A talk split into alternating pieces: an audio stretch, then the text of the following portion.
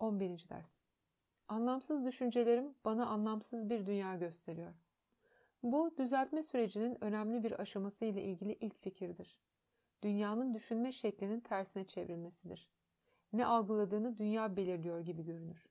Bugünkü fikir, gördüğün dünyayı düşüncelerinin belirlediği görüşünü sunar.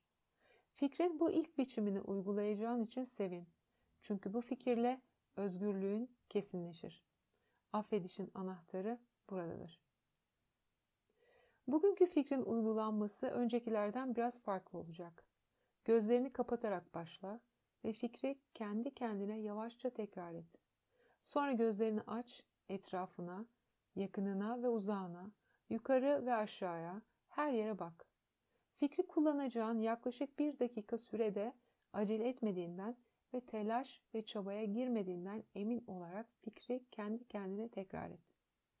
Bu alıştırmalardan en fazla faydayı elde etmek için gözler bir nesneden diğerine aynı hızla geçmelidir. Çünkü belirli bir nesnede fazla oyalanmamaları gerekir. Ancak kelimeler aceleye getirilmeden hatta rahatlık içinde kullanılmalıdır. Özellikle bu fikirle tanışma mümkün olan en rahat şekilde olmalıdır.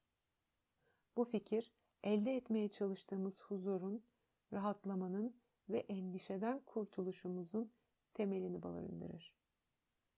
Egzersizi bitirdiğinde gözlerini kapat ve fikri bir kez daha kendi kendine tekrar et.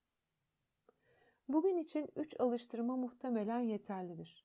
Ancak eğer fikirden dolayı az rahatsız hissediyorsan veya hiç hissetmiyorsan, daha çok yapma isteğin varsa 5 alıştırmaya kadar çıkılabilir. Bundan daha fazlası önerilmemektedir.